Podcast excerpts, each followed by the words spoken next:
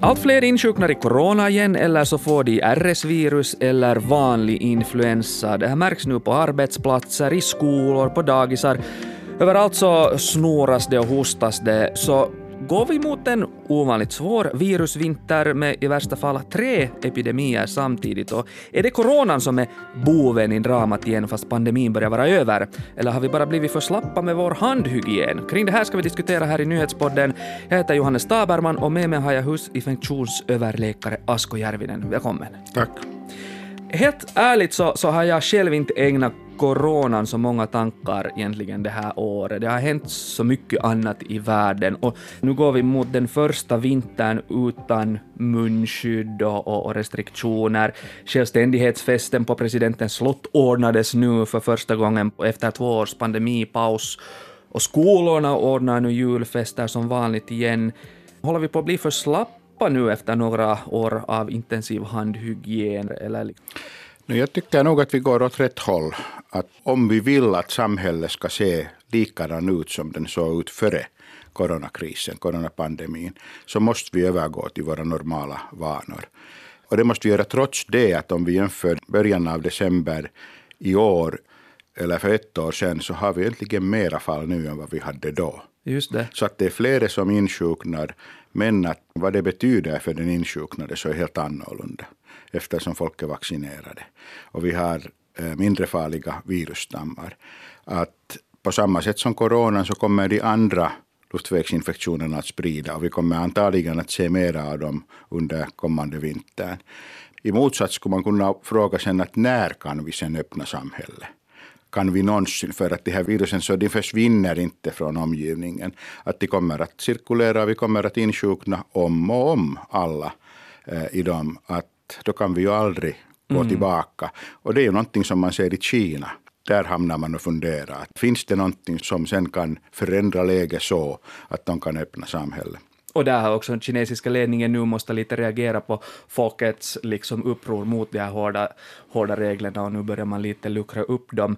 Men om vi tänker på läget här i Finland, som du konstaterar, vi är ändå liksom på väg i rätt riktning, så börjar man nu igen lite, tycker jag, se mera munskydd i gatubilden och på marken igen, och på mitt barns dagis till exempel, så påminner man igen mer aktivt om att tvätta händerna och hålla avstånd, för, för mycket tyder på att nu den här influensasäsongen har satt igång snabbare än vanligt. I USA så sprids influensan och RS-virus och covid-19 nu med sån fart att man talar om en trippelepidemi. WHO varnar också Europa för det här. Va, vad säger du, är det här någonting, en sån här trippelepidemi, någonting vi snart kan ha framför oss här i Finland? Det är mycket möjligt, om allt det här liksom går så som man kanske ser från USA.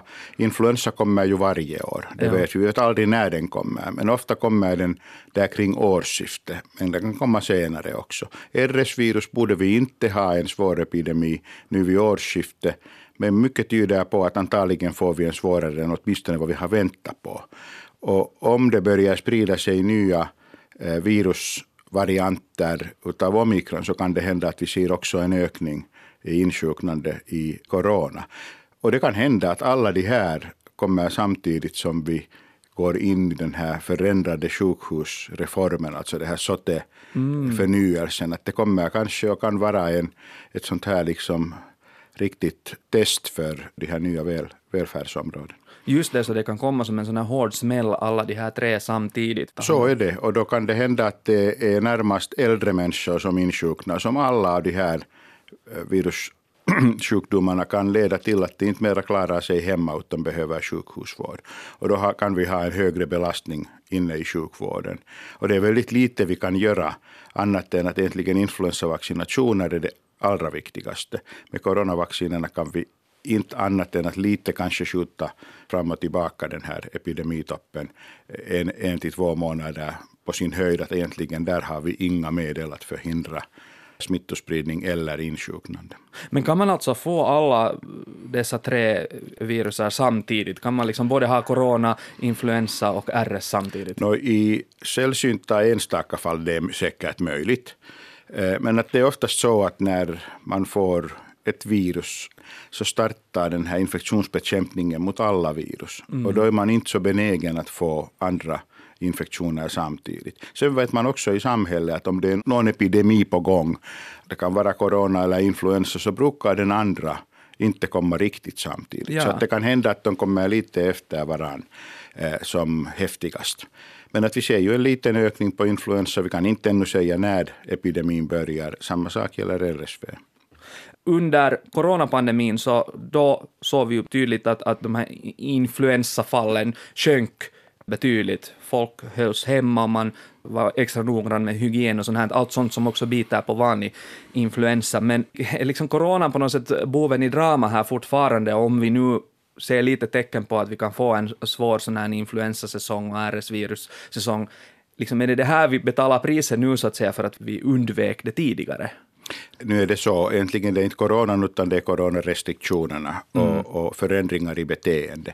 Det är att vi inte har mött andra virus under två senaste vinterperioder så gör det att vi har mindre motståndskraft Precis. mot andra luftvägsinfektioner. Och det är fler som insjuknar och de sprider sig lättare i samhället. Så att vi har klart minskat cirkulation av alla virus i samhället. Eh, och på det sättet har vi mindre motståndskraft. Att har man haft influensa föregående året så har man åtminstone någon slags motståndskraft. Men är det flera år så insjuknar man lättare. Mm. Uh, jag måste erkänna att jag, jag själv inte ännu har tagit influensavaccin och det är mest på grund av lättja, glömska. Jag har tänkt att, no, men att det är kanske nu inte så farligt, det är vanlig influensa eller så här, jag behöver inte oroa mig så mycket, men borde jag ta det? No, åtminstone alla de som har grundsjukdomar eller de som är äldre och sen småbarn så skulle man gärna vaccinera. Och man måste komma ihåg att genom att vaccinera sina småbarn så kan man skydda också barnens far och morföräldrar mm. som lätt sen får den eh, hemifrån. Men att vanliga vuxna som inte har grundsjukdomar så för dem är det en häftig sjukdom. Det kan vara kraftigare än, än corona just nu.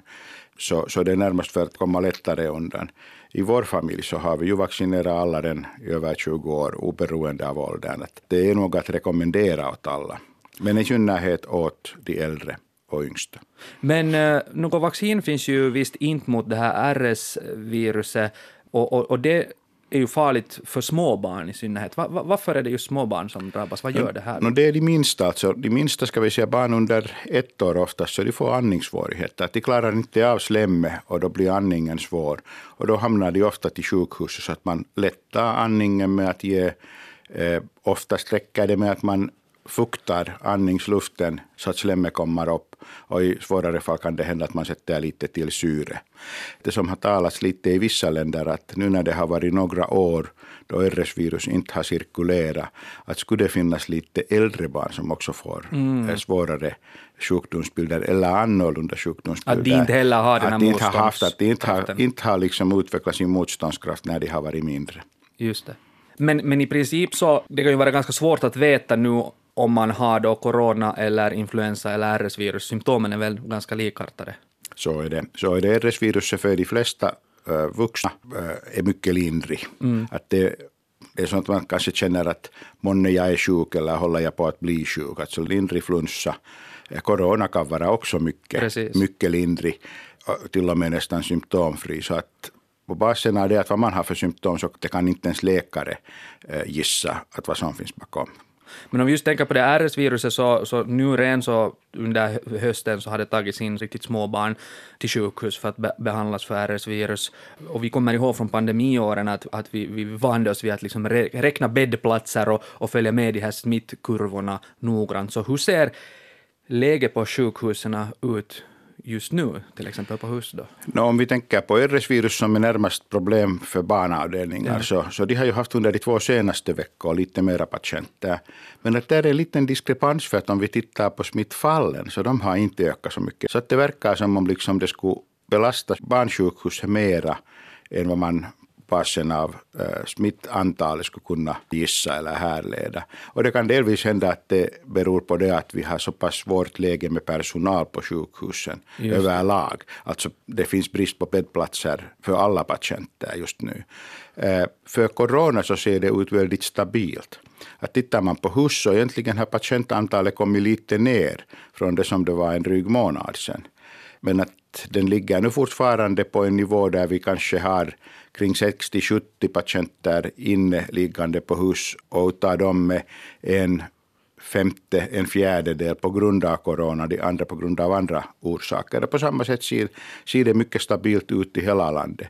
Det intensivvården hamnar mycket få, endast enstaka patienter i dagens läge på grund av eh, coronan. Så att på det sättet har bilden helt förändrats. Ja, jag kollar just att THLs senaste uppgifter enligt dem, sån här veckovisa rapport så, så har coronafallen i Finland ökat med ungefär 11 000 då den föregående veckan. Incidensen är 381, 930 behandlas på sjukhus, 17 ligger på intensiven. Eh, jag, jag, men, jag, jag har lite tappat touchen på alla de här siffrorna, men hur låter det här i dina öron och Får vi ens en fullständig bild av coronaläget av de här siffrorna? Nej, alltså de här siffrorna är helt annorlunda än vad vi tittade tidigare. Att om vi tänker ett och ett halvt år tillbaka så de här siffrorna berättar de patienter som kom in på sjukhuset på grund av coronan. Eh, och nu berättar det mera de som kommer dit på grund av andra orsaker och coronan är med. Visst finns det några sådana, men närmast är de äldre, eh, redan ganska grundsjuka patienter som hamnar in på sjukhuset på grund av coronan. Men ytterst få av dem också så behöver tilläggssyre. Så att den här liksom syresättningen och en sån här svår lunginflammation, så den har nästan försvunnit. Att sjukdomsbilden är helt annorlunda.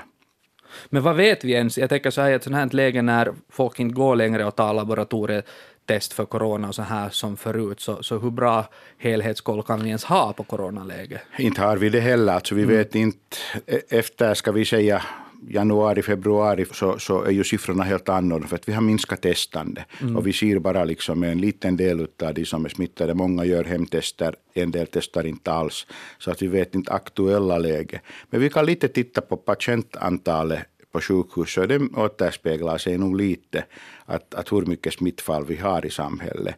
Och från det kan man ju härleda det att vi antagligen har mera än vad vi hade för ett år sedan och antagligen ligger vi någonstans ganska nära på det som vi hade i början av året. Och det verkar som om det fortfarande skulle vara de här samma omikron, närmast BA4, BA5 virusstammarna som sprider sig. Nu vet ju ingen att vad det händer sen om det kommer någon av de här nya som man liksom följer med, som har ökat lite hos oss och också i andra länder. Men tills vidare så verkar det som att i de andra länder där de har spridit lite mer, så har inte sjukhusvårdsbehovet ökat nämnvärt. Så att antagligen kan det hända att läget för coronan så hålls mer eller mindre lika inne på sjukhus, eller lite värre endast. Tack vare vaccinationerna. Det är ganska precis ett år sedan som just den här otroligt smittsamma omikronvarianten slog till med kraft mot hela världen och fick pandemin att dra ut på tiden e, ännu mer. Men kan det muteras fram liksom så resistenta liksom varianter av coronaviruset så att pandemin så att säga börjar om från början igen? Det verkar som om den skulle kunna mutera på det sättet att man har inte skydd av vaccination eller det att man redan har haft sjukdomen. Och de nya varianterna som kommer fram är just sådana som sen kan smitta på nytt människor som redan har skydd. Men att det som vi inte ännu har sett, att det skulle komma en ny variant som skulle leda till en svår sjukdom hos mm. de som redan har immunitet. Och om det så skulle hända, att en så stor mutation skulle komma, så då skulle vi vara inne på en ny pandemi. Men då skulle vi också vara i bättre läge. Vi skulle ha mediciner mot svår sjukdom som antagligen skulle byta. och sen skulle vi ha vaccinproduktion som skulle kunna styras mot den nya virusvarianten så att liksom effekterna av den skulle vara mindre. Så att jag anser att antagligen risken för det att vi skulle hamna in på samma situation som vi var för två år sedan, mm. för ett år sedan, är, är mycket liten. Mm. Du nämnde där uh, vaccinerna. Hur framskrider egentligen kampen mot viruset på vaccinfronten? Om vi tänker först att hur, hur väl har finländarna nu i det här läget vaccinerat sig? Om man tittar så där liksom internationellt så har finländarna vaccinerat sig mycket väl. Och vi vet att de som har tagit de vaccinerna som nu har rekommenderats så har en bra skydd mot en svår infektion. Men att med vaccinerna får vi inte skydd mot att vi inte skulle bli smittade, att vi inte skulle bli sjuka. Och när man tänker på vanliga flunsor så får vi dem om och om, fast vi har haft dem så det blir inte bestående immunitet, utan nästa år eller mm. några månader senare mm. så kan vi få influensa orsakad av samma virus på nytt. Och så är det med coronavirus och coronavirusvaccinerna. Det verkar finnas politiskt tro på att man skulle måste vaccinera även yngre åldersgrupper där man egentligen inte får mycket nytta utan man kan fråga att hur mycket det kostar för samhället, mm. kostar för sjukvården av andra sjukdomar. För att det är ju borta någonstans den här personalen som vaccinerar. Eh, och sen hälsomyndigheten i alla länder har konstaterat att egentligen de unga människor under 60-65 eh, inte har behövt Eh, nya vacciner, men politiker har velat vaccinera. Mm. När kan vi räkna med på något sätt ett universellt vaccin mot alla coronavarianter, eller är det nu snarare så att vi måste helt enkelt se det så som med vanlig influensa, att varje år så tar man en, en ny dos?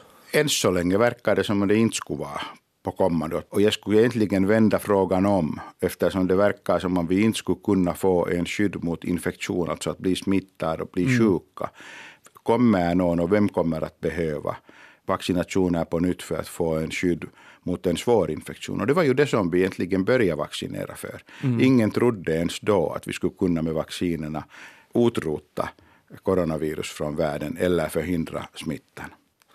Men i alla fall, läget är stabilt och vi behöver inte liksom nu i alla fall oroa oss för, för coronan jättemycket, men vi kan ha då olika influensavirusar här samtidigt i vinter? No, vi kan ha olika som vi har alltid. Vi har alltid mm. ungefär 200 olika virus som, som cirkulerar lite olika tider. Nu har vi coronavirus som kommer med hit in i den här repertoaren så att mm. säga. Men att det som vi kan vänta att vi kommer att ha mera luftvägsinfektioner under kommande vinterperioden än vad vi har haft tidigare. Kanske det lite mer än vad vi hade före coronapandemin började. Mm. Asko Järvinen, tack för att du kom hit till Nyhetspodden. Tack. Jag heter Johannes Taberman, Ami Lassila är producent och Anne Heikkilä skötte tekniken. Fortsätt lyssna på oss.